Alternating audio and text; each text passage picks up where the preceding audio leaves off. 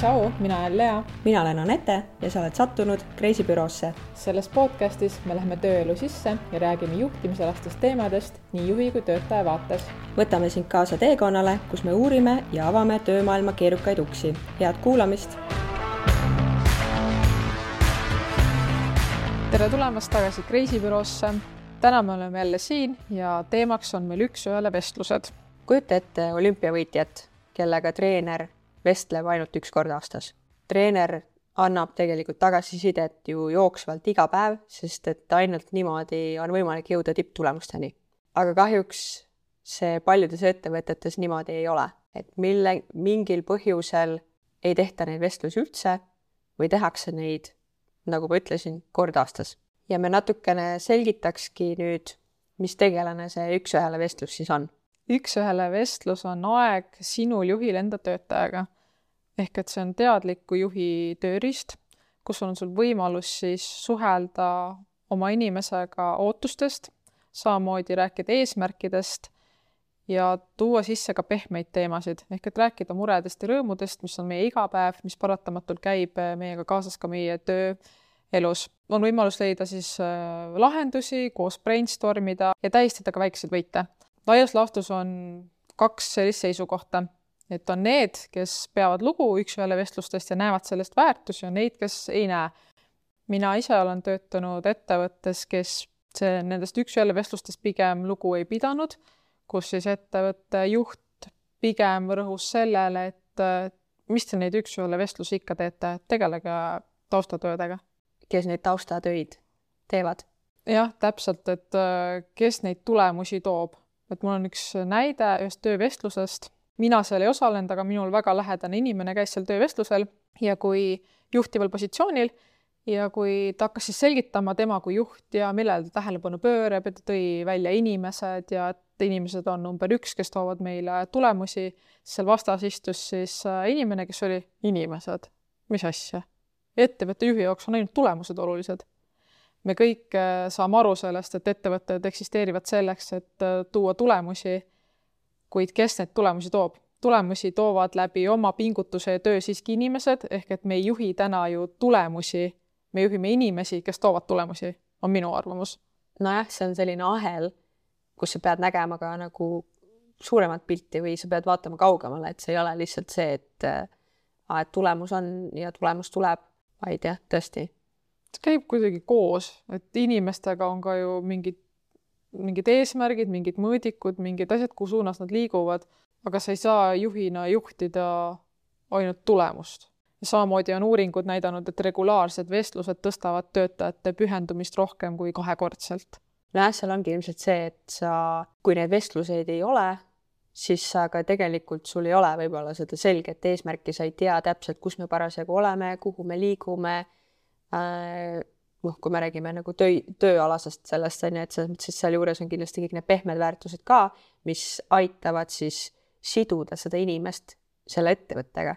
et kui mul ei teki seda isiklikku sidet, siis ma ju tegelikult, mul on väga lihtne astuda lihtsalt välja sealt ja öelda, et aitäh ja nägemist. jah, see pühendumuse tase on märksa, märksa madalam, kui sul on see side tekkinud nende inimestega. no mis sinu varasem kogemus on? Kas sinuga on tehtud üks-ühele vestlusi ja kuidas neid tehtud on? no minuga üks-ühele vestlust kui sellist ma ei mäleta ausalt öeldes, et oleks tehtud. et äh, minuga on peetud ainult neid nii-öelda kööginurga vestlusi, mis ongi see, et a la mööda minnes, kuidas sul läheb või mida sa, ma ei tea, a la sellel nädalal tegid või et siuksed noh, pinnapealsed asjad. ja minu kogemus näitab seda, et vestlus või mingi selline üks-ühele koosolek toimus ainult siis, kui mingi, midagi oli pahasti või olid mingi jamaga hakkama saanud või noh, et neid asju ei tehtud nagu regulaarselt, noh, rääkimata sellest, mul isegi ei ole minu meelest mingit arenguvestlust kunagi olnud, kui ma nüüd hakkan mõtlema. et ma ei mäleta vähemalt, et oleks olnud. minul endal on siis äh, kaks korda tehtud, noh, ütleme, et üks oli siis äh, juhi algatusel ja teine oli minu enda algatusel mis on ka variant, et kui keegi kuuleb ja temaga pole tehtud ja sa siiski soovid oma juhiga mingitest teemadest rääkida, siis ma julgustan ikkagi ise ka see initsiatiivikam olema, kuigi noh. no jah, siin lihtsalt tekib see, et kui sa ise äh, kutsud oma juhi nii-öelda seda üks-ühele vestlust pidama, siis tegelikult ju juht peaks olema see, kes seda ikkagi läbi viib. no Et- töötaja ei saa seda vedada jah, et ma ei saa ju iseenda kohta mingit küsib-, noh, see kuidagi minu jaoks ei, ei päde nagu, et selles mõttes, et selleks, et seda teha niimoodi, et sa kutsud selle inimese vestlema, siis sa pead seda koosolekut ise üleval pidama, sest et kui see teine pool ei ole väga nagu ta, kui ta ei ole teadlik sellest, siis ma ei kujuta ette, kuidas see nagu hästi toimida saaks. ja minu puhul oligi tegelikult see, et äh, mina ise tahtsin seda, mul oli kindel eesmärk sellel ja suures pildis mina rohkem juhtisin ja mina tundsin ennast palju mugavamalt kui minu juht sel ja, aga vestlusel. vaat seal ongi see, et sinul oli tegelikult kogemus, sest et sina viisid neid üks-ühele vestlusi nagunii enda inimestega läbi ja sul on see kogemus, kuidas seda üks-ühele vestlust läbi viia, kuidas seda juhtida. aga kui ongi selline olukord näiteks, et eh, mul pole kogemust, oletame, ja mina kutsun enda juhi, kellel pole ka kogemust, no siis sa oled kokku kaks siis, tükki, siis tegelikult me istume seal kahekesi, vahime üksteisele otsa ja mõlemal on ebamugav. Et üks ikkagi peab olema ju see, kes alati võtab selle initsiatiivi ja juhib seda vestlust. ta peab seda vedama jah Jah. ja., aga ma mõtlen seda, et kui tekibki selline olukord, et et sul on, sa tahad millestki rääkida ja sinu juht ise ei tee üks-ühele, ei tee ka kord aastas arenguvestlusi, aga kas sa siis ei räägigi või et mõtlen, et kas siis oleks ikkagi lahendus, et sa annad oma juhile märku, et äh, mul oleks, ma sooviksin millestki rääkida. see ilmselt ei ole niisugune üks-ühele vestlus mm, -hmm. siis et ta on nagu lihtsalt vestlus, et sa saad oma teemast edasi anda. no siis sul on ilmselt juba mingi konkreetsem teema, millest sa Jah. tahad temaga rääkida, onju, et siis Jaa. on selle võrra lihtsam, et sa lähed juba mingi kindla teemaga. ja ma siinkohal ei mõelnudki päris seda, et see noh, töötaja või lihtsalt tiimiliige mm Mhm. -hmm. hakkab ise seda üks-ühele mul lihtsalt mõte pidama läks ja kohe lendama. aga see on nagu hea selles mõttes see diskussioon, et ja nagu head vaated. mm. -hmm. aga minul jah, kaks korda, et üks kord siis juht minuga ja teinekord tahtsin siis mina ja noh, ütleme niimoodi, et see on suht selline suu puhtaks äh, rääkimise hetk, kus sa filtreeridki ennast välja ja suure tõenäosusega väga mingite tegevusteni ei jõuta, sest kui sul on see üks vestlus, sa räägid ära kõik enda mured, kõik see, mis on sulle kogunenud, järeltegevusi tegelikult seal oli, ei toimunud. ja kui seda tehakse nii harva, siis seda infot on ka ilmselt ju väga palju, mida sa edastad. jah, ja si- ja teiselt poolt on jällegi väga palju, mida sa jätad edastamata, sellepärast et sa võib-olla oled unustanud selle asja. mm -hmm. et kui see ongi üks kord aastas, siis noh, mul ei ole elu sees meeles, mis aasta alguses toimus. ei olegi. ja see teine kord, kui mina siis äh, ise oma juhi poole pöördusin, et ma sooviksin rääkida, siis oli selline huvitav äh, olukord, et juht lükkas seda vestlust kogu aeg edasi. et ma saan aru, et äh, ikka võib tulla mingeid asju ette ja ma olen ikkagi mõistlik inimene ja minuga saab rääkida üks kord okei okay,, teist korda, kolmandat korda, ma nüüd enam täpselt arvuliselt ei mäleta, kolm korda oli seal kindlasti, et lükkad nagu lihtsalt edasi seda et ma saan aru, et see on tema initsiatiivil ja võib-olla tema tollel hetkel ei pidanud seda nii oluliseks kui mina, sest et mina soovisin ju temaga rääkida. nojah, see on väga halb, kui tegelikult juht isegi ei näe selle väärtust. Jaa. tema jaoks võib-olla oligi see, et kui ta on harjunud sellega, et aa, et me saame kokku siis, kui midagi on pahasti, siis ta- noh, see võib-olla oligi niisugune alateadlik instinkt, et miks sa justkui tahad kokku saada, kas midagi on halvasti. jah, et võib-olla jah, et võib-olla ta ongi lükkas seda mitte ka nagu pahatahtlikult edasi, aga ta lihtsalt ei tundnud ennast kuidagi. aga millal te siis lõpuks jõudsite selle päris koosolekuni? kaua see lükkus edasi? no see, ma arvan, et äh, ma nüüd täpselt ei mäleta, aga me räägime rohkematest kui paarist nädalast. et see oli ikkagi see kuu peale midagi, kui me lõpuks päriselt kohtusime. No kuidas see vestlus siis välja nägi või kuidas teil läks see? kas Sel- sa said oma nendele mingitele probleemidele lahenduse või kui nagu mul on hästi palju küsimusi onju Jah,, nagu me kus sa tutvustuses sa ütlesid, et ma küsin igast asju. aga et kui hästi teil läks või kui nagu kaasatud ta oli seal? no selles mõttes oli tunda, et ta oli, tal oli ebamugav, kui sa ei ole teinud neid vestlusi, siis sa, sa ei oska ja sa ei oskagi ilmselt tunda ennast mugavalt. ma sain selles mõttes kõik teemad räägitud, see vestlus oli pigem lühike ja selline konkreetne, et läksime suht asja kallale, mina sain kõik öeldud ja me jõudsime selles mõttes lahenduseni. aga oli näha jah, et mina rohkem äh, aitasin tal seda juhtida ja no selles mõttes, et toetasin teda seal, ma sain aru, et oli ebamugav ja noh, minu asi ei olnud ka talle teha seda veel ebamugavamaks, et ma saan aru, et mina olen neid vestlusi teinud ja ma ei tahtnud tegelikult, et ta tunneks ennast nagu pahasti, ehk et me nagu teineteist selles mõttes nagu toetasime, minu jaoks see täitis selles mõttes eesmärki. ilmselt see ongi kõige tähtsam. jah, okei okay,, aga ma tean, et sinul oli päris suur tiim endal juhtida ja ma tean ka seda, et sina väga toetad seda üks-ühele vestluste praktiseerimist. et äkki sa räägid natukene, kuidas, kuidas sina neid läbi viisid, kuidas sul oli, kuidas sinu tiim sellega nii-öelda kaasa tuli, et kas, kas see andis neile midagi juurde või mida sina sealt õppisid? jah, minu tiimis siis äh, oli kaheksateist liiget ja nad olid üle Eesti selles mõttes laiali ja mina praktiseerisin seda, et ma vähemalt korra kvartalis kohtusin kõigiga ja leidsin selle aja ja me vestlesime. Siin ma arvan, et ongi oluline tunda oma inimesi ja teada, kuidas nad toimivad. on mingid inimesed minu tiimis, kes vajasid seda üks-ühele vestlusaega rohkem ja mingid, kes, kellele piisas sellest kord kvartalis ehk et mul oli see kord kvartalis oli kindlasti, aga ma vaatasin hästi vajaduspõhiselt, et mingi juhiga me tegimegi näiteks iga kuu. ja kui minu tiimiga liitus uus juht, siis oli see, et me tegime ikkagi iga paari nädala tagant. et oleks see käsi nii-öelda pulsil kogu aeg, aga samas me jätaks talle ka natukene ruumi, et ta saaks ise kogeda, praktiseerida, et ta jõuaks ise mingite asjadeni, et meil oleks järgmine kord jälle mingi teemaga edasi minna. ehk et see on hästi individuaalne ja inimestepõhine, kuid samas ma arvan, et juhil võiks ikkagi olla oma süsteem, et mingisugune süsteem, mida ta siis äh, nii-öelda muudab vastavalt inimesele. et see süsteem ei, ei, ei tohiks olla selline et ma räägin inimesega siis, kui on juba mingi häda käes või mingi mure. vaata, need vestlused olidki sellised, et äh, need olid regulaarselt ja ma võtsin nagu erinevad teemad sealt läbi ja kas oli siis midagi, mingi arendamist vajav tagasiside või midagi hästi, et kõik teadsid, kui on vestlus, muidu on see, et aa, et mul on sinuga vestlust, noh, sa ütled, sul on mingi kööginurga vestlusi peetud või siis on sinuga tehtud, kutsutud vestlus, siis kui sa oled mingit pahandust teinud, eks ole. aga need vestlused olidki lihtsalt jätkulood ja võtsime sealt erinevad teemad läbi, et kellelgi ei olnud niisugust, et noh, niisugust hirmu või kartust, et okei okay,, nüüd jälle Lea tuleb, meil on jälle see üks-ühele, pigem inimesed ootasid seda vestlust ja nad äh, ootasidki seda ja meil olid niisugused jätkulood ja me läksime kogu aeg mingite teemadega edasi. ehk et jah, et äh, see üks-ühele vestlus ei pea olema alati see, mis puudutab konkreetseid mingeid tööprotsesse, vaid et seal võib olla ka miks nendest erinevatest, äh, mingi tema isiklik lugu, kuidas tal endal läheb ja tekitadagi sellist usalduslikku suhet, et ta julgeks kõikide muredega pöörduda. et isegi, kui on midagi pahasti läinud, on ju. ja noh, pigem ongi läbi nende vestluste ja läbi selle regulaarsuse, et sa suhtled sa ja sa õpid seda inimest ka tegelikult tundma, sa tekitadki selle õhkkonna, et ta julgeb ja tahab sulle rääkida erinevatest teemadest.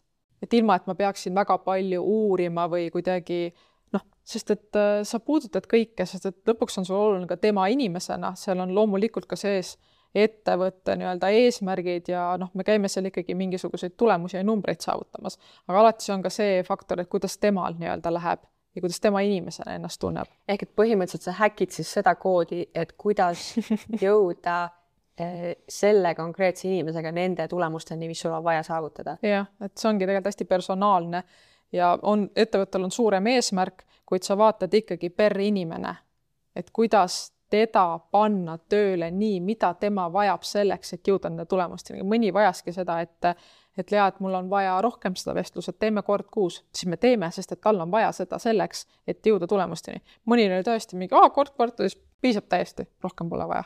et jah, selles mõttes, et see on selle koodi häkkimine mm. -hmm.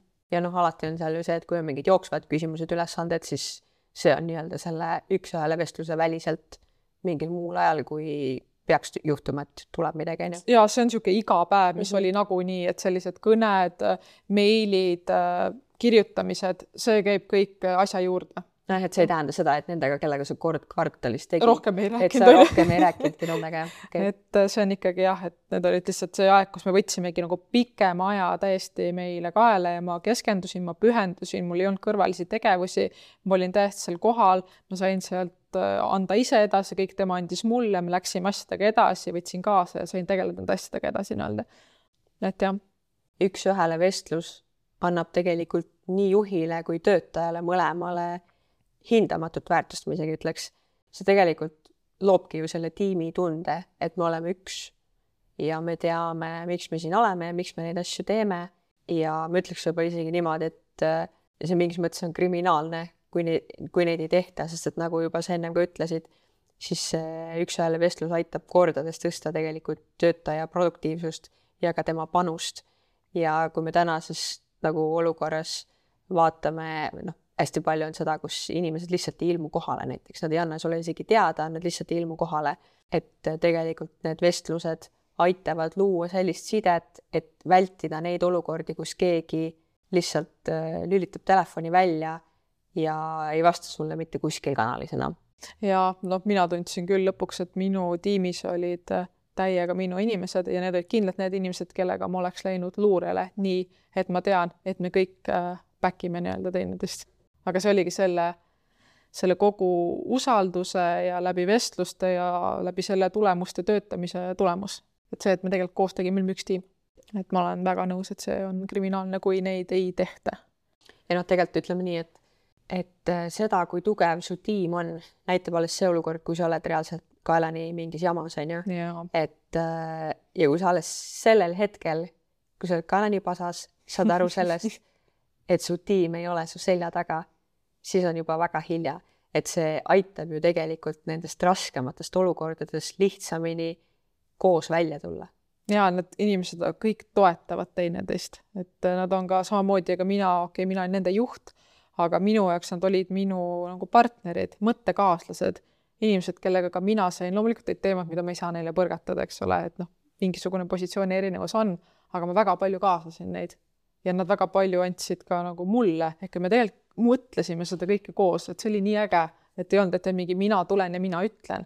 Ja nad olid avatud, nad julgesid avaldada arvamust, aga ma olen näinud pealt erinevaid koosolekud, kus sa näedki, et ei ole usaldust, ehk et näiteks mina teen oma tiimiga koosoleku, ma näen, kõigil on kaamerad lahti, kõik sädistavad, kui me räägime nüüd veebikoosolekust ja teeb keegi teine.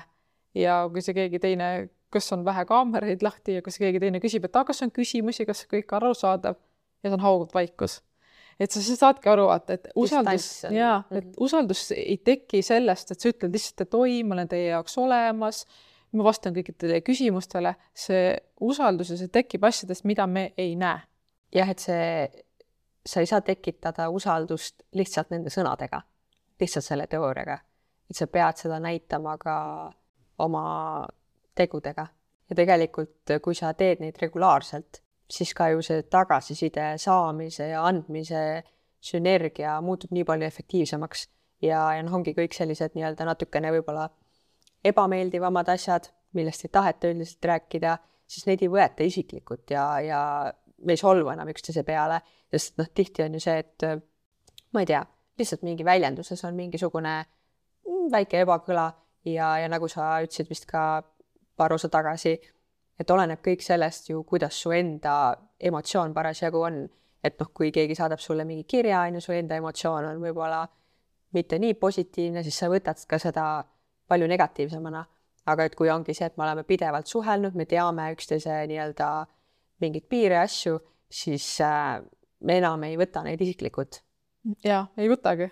see on nii nagu hea tunne, et sa paned sinna juurde selle, et jah, sa valid, kuidas sa ütled, aga sa saad aru ise, et tagasiside andjana sa oled palju vabam ja see, kes võtab vastu, see ongi loomulik osa ja, ja lõpuks ongi see, et me ei pea enam siis mängima kedagi teist, kes me tegelikult ei ole. et me saame olla nii-öelda mina ise, noh jah, nagu sa ütlesid, et siis mingid piirid on, kus noh, kus sa mängid yeah.. aga tegelikult jah, et sa saad olla sina ise ja sa ei pea muretsema selle eest, et kas see, et sa oled sa ise, meeldib kellelegi või mitte. see on tegelikult minu arust nagu parim tunne. see on kõige olla... suurem väärtus üldse tegelikult ju. ja sa saad, kui sa saad oma juhiga kuidagi olla selline, sellises suhtes. no see, ma võiks isegi siin paralleeli tuua Äh, vanema nagu nii-öelda lapsevanema ja lapse vahel ju tegelikult, et, äh, et kui palju teil on näiteks selline suhe, et sa ei saa oma vanematega hästi läbi või et noh, a la mingi sünnipäevadel saame kokku ja võib-olla niisama helistame vahepeal, aga et pole seda, et kui midagi reaalselt juhtub või mul on midagi väga hästi, et ma siis läheks ja räägiks sellest oma vanematega, et ülipaljudel on tegelikult niimoodi mm. -hmm. ja noh, sama on ju ka see, et kui me võtame töö kontekstis siis nii-öelda see sinu juht on justkui see, sellel hetkel see vanema roll. ongi. kui mina ära läksin, siis ma mäletan, nad tegid äh, kommentaare nii mõnigi, et aa, et meie ema jättis meid maha, vaata. et noh, ega täpselt nii ongi. nojah, et see tekitabki ju tegelikult seda hoolivust ja inimene saab aru, et ta ei ole lihtsalt mingi suvaline ressurss, kes peab ainult tulemusi tooma. ja, ja läbi selle on ka tegelikult ju töötajate lahkumise protsent palju väiksem nagu me oleme rääkinud ka varasemalt, siis tegelikult lahkutakse ju juhtide, mitte töö pärast. jaa. ja siinkohal võiks, noh, jah, seda võib üldistada ka siis, et inimeste pärast, mitte töö pärast. kahjuks niimoodi on, nii on jah, ja kahjuks ma olen väga palju selliseid lugusid kuulnud või ise kõrvalt näinud, siis kui sa neid üks-ühele vestlusi teed, siis sul, sa kuidagi mõistad ka selle töötaja väljakutseid ja sul on parem võimalus pakkuda talle ka individuaalseid äh, lahendusi välja ja läbi nende vestluste tegelikult tuleb sealt nii palju väärtuslikku infot, mida sa saad võtta kaasa ja viia see ettevõtte nii-öelda järgmisele tasandile. sest ma olen ise näinud kõrvalt juhte, kes teevad oma tiimiliikmetega vestlusi. see oleneb ka muidugi see, et kuidas sa teed seda. vaata, kui sul usaldust pole, siis sa võid teha iga nädal ka seda vestlust, sa ei saa sealt mitte midagi. et ma olen kuulnud ja näinud kõrvalt vestlusi, ma ei ole seal vestlusel osalenud, aga ma olen läbi osapoolte siis seda tunda saanud ja nad on rääkinud, kuidas see vestlus näeb välja selline, et noh, et a la mingi kahe nädala tagant teevad ja juht küsib kogu aeg, kuidas ma sind toetada saan. et see on nagu põhiküsimus, kuidas sul läheb ja kuidas mina sind juhina toetada saan. üks-ühele vestlus on, ma arvan, täna natukene midagi enamat ja kui sa oled küsinud nädalast nädalasse sedasama küsimust ja sa saad aru, et sa ei saa sealt mitte midagi, siis võib-olla oleks mõistlik äh, mõelda, et ja neid küsimusi vahetada ja kuidagi see vestlus teistmoodi üles ehitada. ja võib-olla tuleks, mitte võib-olla vaid tuleks alustada usalduse loomisest. ja kui sa siis küsid erinevaid küsimusi, siis küll tuleb sinuni info.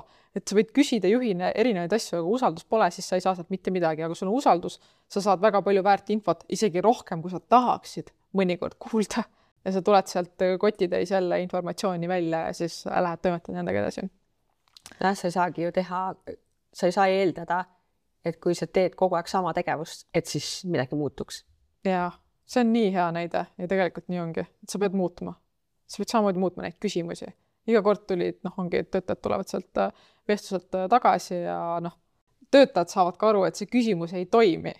jah, tegelikult on ju mõlemal poolel siis pärast see nii-öelda küsimärk lihtsalt, et sa, sa oled segaduses, sa, see ei viinud sind mitte kuskile, võib-olla see isegi viib selles mõttes nagu sind kaugemale sellest eesmärgist, mida sa tahaksid saavutada sellega, kui sa küsid kogu aeg samu asju ja, ja need ei tööta.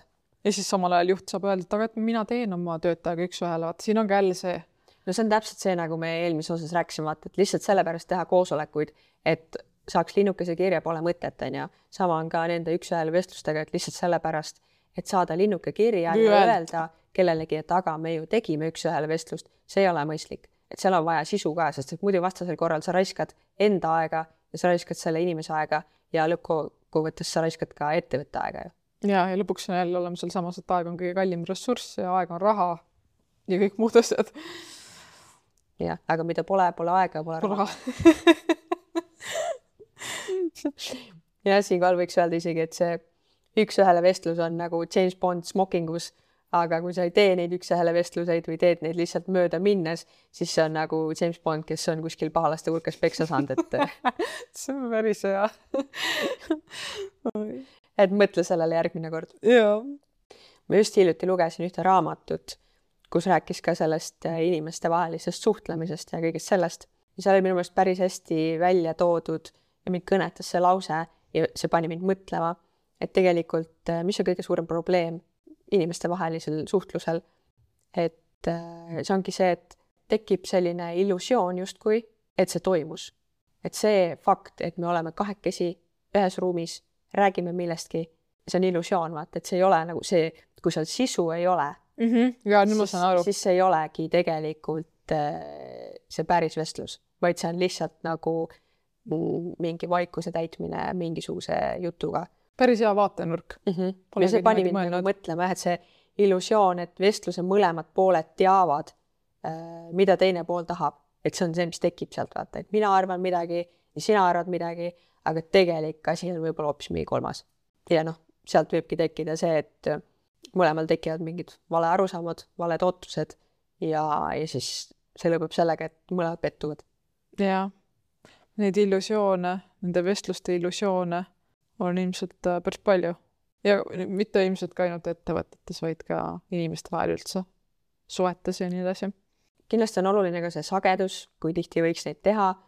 noh, mu isiklik kogemus on see, nagu ma ütlesin, siis minuga on toimunud ainult need möödaminnes päeva jooksul äh, tehtud vestlused ja minu jaoks ei loo nagu sellist head õhkkonda, kus ma tahaks mingitest sügavamatest ja, ja mingitest muret tekitavatest teemadest rääkida, kuna see toimub ka nii-öelda sellisel tööpõllul, kus võib-olla teised kolleegid saavad alati sinna ligi, kes lähevad mööda, ma ei tea, tulevad ka sinna kööginurka, kus mina olen, et selles mõttes nagu mul endal on üks niisugune kogemus enda juhiga, kus me, meil oli mingi koosolek, kus me rääkisime üksteisest mööda ja, ja siis pärast ta tuli kööginurgas siis sellest äh, rääkima ja siis me üritasime nagu aru saada, me rääkisime ikka veel mööda, ma sain aru, et me räägime üksteisest mööda, siis me üritasime seda kuidagi lahendada, aga kuna see oligi sellises keskkonnas, kus äh, noh, mina ei taha ennast võib-olla avada nii palju ja samamoodi tema oli tegelikult äh,, ei olnud üldse vastuvõtlik ja noh, samal ajal mingid inimesed voorivad mööda ja noh, see võib tegelikult jätta ka väga vale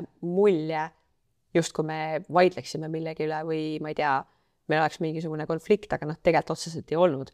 aga lihtsalt jah, et see sellisel hetkel neid teha on mõttetu. ja no sa saad selle üks-ühele, üks-ühele vestluse väärtust tõsta sellega, et sa leiad selle aja selle inimese jaoks. et minul on ka endad näited, kus äh, minu tiimis ka need liikmed, kes ütlesid, et aa, et aga ma ju räägin äh, oma nende inimestega päeva jooksul ja ütlesin jaa, aga nagu mööda minnes sa oled a la mingi kõrge külastatavusega kauplus ja sul on väga palju kliente, mille fookuses on teenindus ja kõik teavad, mis nad on sinna tegema läinud. ikka sa suhtles, suhtled muidugi päeva jooksul ja räägid ja juhendad ja suunad, aga see, kuidas see on, kui on töötaja, ta teab, et tema ootus, talle seatud ootus number üks on see, et teenindada head tasemel kliente.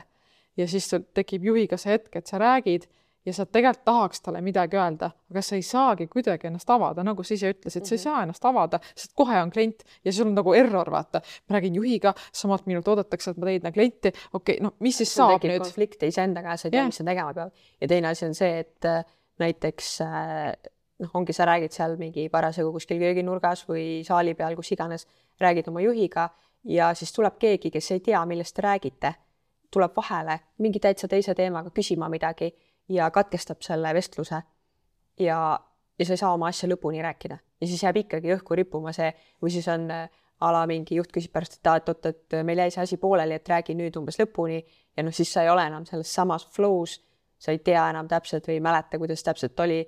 et äh, minu meelest juba see on nagu sihuke, see ei ole hea ja mulle endale ei meeldi, kui jäävad lahtised otsad ja, ja mulle endale ka ei meeldi jätta neid lahtiseid otsi, sest et see kuidagi jääb kimbutama ja sa võtad selle kaasa ja see nagu närib sind ja mm -hmm. segab sind ja ja noh, kui minu jaoks on ka see, et kui ma näiteks vestlen kellegiga, ongi mingi oluline teema, oletame, et me olemegi sellises keskkonnas, kus saavad teised ka tulla ligi ja siis, kui juht pöördub või noh, reageerib sellele teisele inimesele näiteks, kes vahele tuli, siis tegelikult see valmistab minus ka natuke pettumust, justkui ta prioritiseeriks neid teisi segajaid rohkem kui seda, mida mina talle ütlen ja millest meie räägime.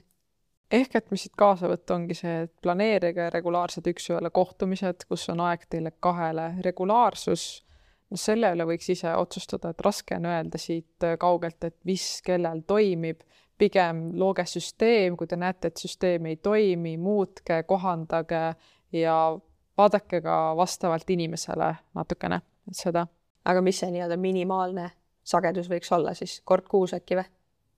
no ilmselt see oleks suhteliselt ideaalne, oleneb ilmselt tiimi suurusest ja ilmselt ka sellest, keda sa juhid. et võib-olla noh, mingite ametikohtadega on see, et ei ole vaja seda teha nagu kord kuus, on mingi süsteem, kord aastas on minu jaoks selgelt vähe. kord kuus, ma arvan, et oleks väga ideaalne, aga see oleneb jälle, mis selle juhi töölaual on, eks ole, et kui sul on ikka kahekümne liikmeline tiim siis pead korra kuus nende kõikidega noh, rääkima ja sul on muud kõik asjad ka, et kuidas sa suudad selle enda jaoks mängima panna. oleneb see, mis need ettevõttepoolsed ootused ka on ja kas ettevõte üldse kuidagi hindab seda, et neid asju tehakse, kas ta näeb, et sellel on tulemust. ma just täna vestlesin ühe inimesega, kes ütles, et tema tegi üks-ühele vestlusi iga päev oma inimestega. aga noh, see ongi niisugune lühike, et see ei olegi, et me paneme mingi tund aega kalendrisse ja siis istume selle tunni täis. et äh, need olidki niisugused lühikesed aga ta ütles, et ta sai nii palju infot sealt ja ta nagu, ta teadis, kuidas ta tiim töötab. ja ta ütles ka seda, et, et tal oli samamoodi erinevaid inimesi tiimis, et mõni, kellega ta saigi rohkem rääkida, ta teadis kõike nende kohta ja tal tekkis ka endal huvi, vaata see üks asi on see, et sa nii-öelda feigid seda, onju, et sa küsid neid küsimusi sellepärast, et saada mingit infot, aga teine asi on see, et sul lõpuks tekib endal huvi nende inimestega rääkida ja küsida neid küsimusi, et a la ma ei tea, kuidas sul läks see nädalavahetus või noh, mis iganes, et see näitab ka sinu mingit initsiatiivi. just ütleski, et teiselt poolt on jälle selliseid inimesi, kes olidki hästi vaiksed ja nad ei tahtnudki väga palju avada, aga ta teadis täpselt, kuhu maani ta saab neid avada ja milliste piiridega ta saab mängida. et äh, see ongi see, et sa saadki need nii-öelda nagu tsirkuses või kus need on, need äh, nukud, vaata, kus sa saad nöörist tõmmata, onju. et noh, siis lõpuks sul tekibki see, et sa tead täpselt, mis nöörist sa keda pead tõmbama, et äh, saaksid selle võidu endale. ja siin võib olla ka see, et äh, no oletame, et kui sa teed, noh, see sagedus, noh, ilmselt ongi see, et tuleb, tuleb vaadata, mina ütleks nii palju, pigem rohkem kui vähem. ja kui sa teed näiteks äh, kord kuus, oletame, esimene vestlus on suure tõenäosusega pikem, kui sa pole seda ka varem teinud, eks ole, te kuidagi hakkate, see lugu alles hakkab pihta, teie sihuke story. järgnevad korrad ongi see, et te paned, sa paned mingi aja kalendrisse, aga sa ei istu seda aega ju selleks täis seal, aga minu kogemus näitab seda, et ma panen selle aja sinna. varem ma ei pääsenud küll kellegi juurest nii-öelda ära, noh, pääsenud ära, see on nagu jutumärkides, eks ole. et see aeg tuli kindlasti täis, et inimesed, mida rohkem sa tegid, seda rohkem nad avasid, aga mida tihedamini sa teed, seda suurem tõenäosus on see, et äh, te jooksvalt kogu aeg kohtute ja lahendate need asjad ära, ehk et see ei olegi see korra ma ei tea, aastas istume maha ja sul on väga palju muresid, võib-olla järgmine vestlus ongi kakskümmend minutit.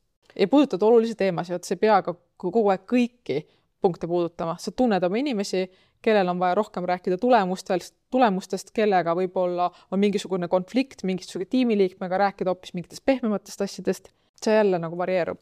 nojah, vaata, see ongi täpselt see, et kui sa käid korra aastas jõusaalis, siis sa ei saa endale kohe mingeid megakõhulihaseid, onju. Mhm. et selleks, et seda saavutada, sa pead ikkagi käima pidevalt nagu regulaarselt ja sama on ka tegelikult ju nende vestlustega, et sul ei piisa ühest korrast, sul tuleb seda teha nagu uuesti ja uuesti pidevalt ja kui sa oled saavutanud selle tulemuse ehk et sa oled saanud selle six-pack'i, mis sa tahad ja millest sa unistasid, siis tegelikult ju sa pead ikka edasi käima seal, et seda tulemust hoida. ehk et sama on ka ju üks ei ole vestlustega. vestlustega, et kui sa oled saavutanud need mingid asjad, siis selleks, et sul see side ei katkeks, sa pead seda ikkagi tegema edasi. no see on sama tegelikult sõprussuhtega ju tegelikult samamoodi, et meil on nagu hea side, me suhtleme noh, pidevalt, igapäevaselt, eks ole, aga mingi hetk, kui jääb mingi pikem vahe sisse, siis tegelikult äh, ongi see, et äh, noh, nats nagu kaugened, loomulikult see ei juhtunud mingi, et mingi kaks päeva ei räägi ja nüüd me oleme mega kaugel teineteisest ja ma ei taha su sõber olla, onju. aga sa tunned mingit distantsi ja sul on raske, mida pikemaks see distants läheb, sul on raske uuesti tulla ja rääkida seda, et mis su elus on kõik toimunud, eks Mhm. ole. jah, eks ongi erinevaid inimesi, mul on mõned inimesed on sellised, kellega pole väga pikalt suhelnud, aga see läheb, kui te ükskord näete, siis see läheb samast kohast edasi, kui see lõppes. aga noh, neid on vähe, onju. mul sama, lapsepõlvesõbrannad sellised.